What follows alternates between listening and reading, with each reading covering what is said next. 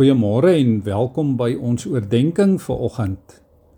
In Matteus 26 vers 46 lees ons Jesus se uitroep: My God, my God, waarom het U my verlaat?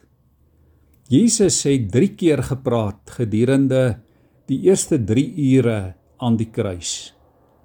In die eerste plek het hy gebid vir die wat hom gekruisig het. Vader, vergewe hulle want hulle weet nie wat hulle doen nie. Daarna het hy met die dief aan sy sy gepraat. Daardie dief se laaste gebed was: Vader, dink aan my wanneer u Heer in u ryk kom. Jesus antwoord toe: Dit verseker ek jou vandag sal jy saam met my in die paradys wees. Die derde keer het Jesus liefdevol na sy moeder verwys. Ons lees in Johannes Toe Jesus sy moeder sien en die disipel vir wie hy baie lief was wat by haar staan, sê hy vir haar: "Daar is u seun." Daarna sê hy vir die disipel: "Daar is jou moeder." En van daardie oomblik af het die disipel haar in sy huis geneem. Toe, na die 3 ure aan die kruis, het daar iets vreemds gebeur. Die Bybel verwys daarna as die Bybel sê van 12 uur af het daar duisternis oor die hele land gekom en dit het tot 3 uur die middag geduur. Lees ons in Matteus 27. Die duisternis sou dus van 12 uur tot 3 uur gewees het. Dit was gitswart duisternis. 'n Vreemde verskynsel. 'n Vreesaanjaende donkerte. 'n Onverklaarbare duisternis. Dit moet 'n sonsverduistering wees, het iemand dalk gesê. Miskien is daar 'n storm op pad, het iemand anders gevra. Dalk is dit 'n stofstorm, het nog iemand geantwoord. Maar daar was geen stof in die lug nie. Tog was dit nog steeds pikdonker. Totale duisternis reg in die middel van die dag. Wanneer die son eintlik op sy helderste behoort te skyn, is dit donker. Hoe kan ons dit verklaar? Ek is bang, roep 'n vrou en sy begin huil. Die enigste geluid wat by die kruis gehoor kon word was ons God en die twee diewe se dappere poging om asem te haal. Die skare rondom die kruise was doodstil.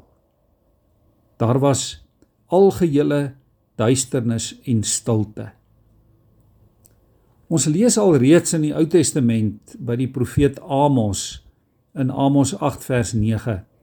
Daardie dag sê die Here my God, laat ek die son helder oor dag ondergaan. Maak ek dit donker op aarde terwyl dit nog ligdag is. Ja skielik na die 3 lang onsekere en uitmergelende ure van duisternis breek Jesus die stilte.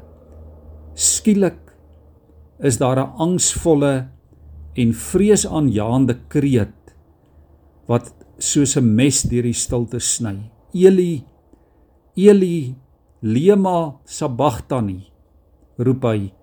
My God, my God, waarom het U my verlaat. Dit was bloot 'n vraag aan God.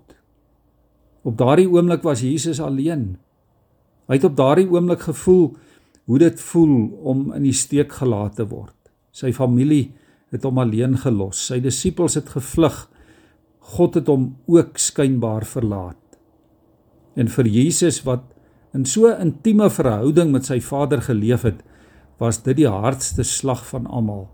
God sy vader het hom verlaat. Liewe vriende, as jy vandag seer het of as jy voel God het jou verlaat, as dit vir jou voel God het jou verwerp, hy het jou vergeet, hy het jou weggegooi, is daar vir jou troos. Jesus was ook daar.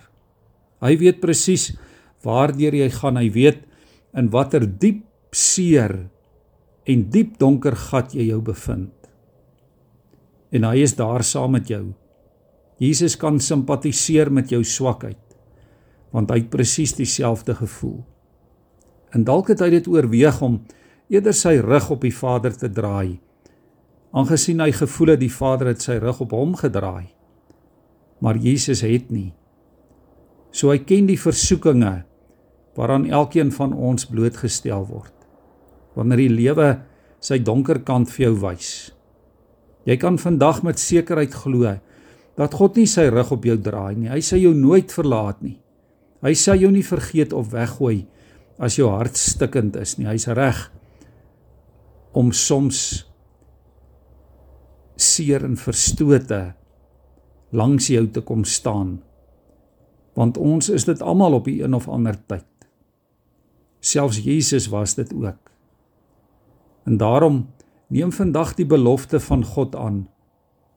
Soos in 1 Petrus 1 vers 6 tot 7. Verheug julle selfs hieroor. Selfs al is dit nodig dat julle 'n kort tydjie bedroef gemaak word deur allerlei beproewings sodat die egtheid van julle geloof getoets kan word. Julle geloof is baie kosbaarder as goud wat vergaan. Maar ons dank God dat hy aan ons die oorwinning gee deur ons Here Jesus Christus. Weet verseker vandag, jy's nooit alleen nie. Al is dit pikdonker en doodstil rondom jou, moet nooit dink dat God nie jou pyn verstaan nie. Hy ken dit asof dit sy eie is. Soms is dit beter om jouself maar net in sy hande oor te gee.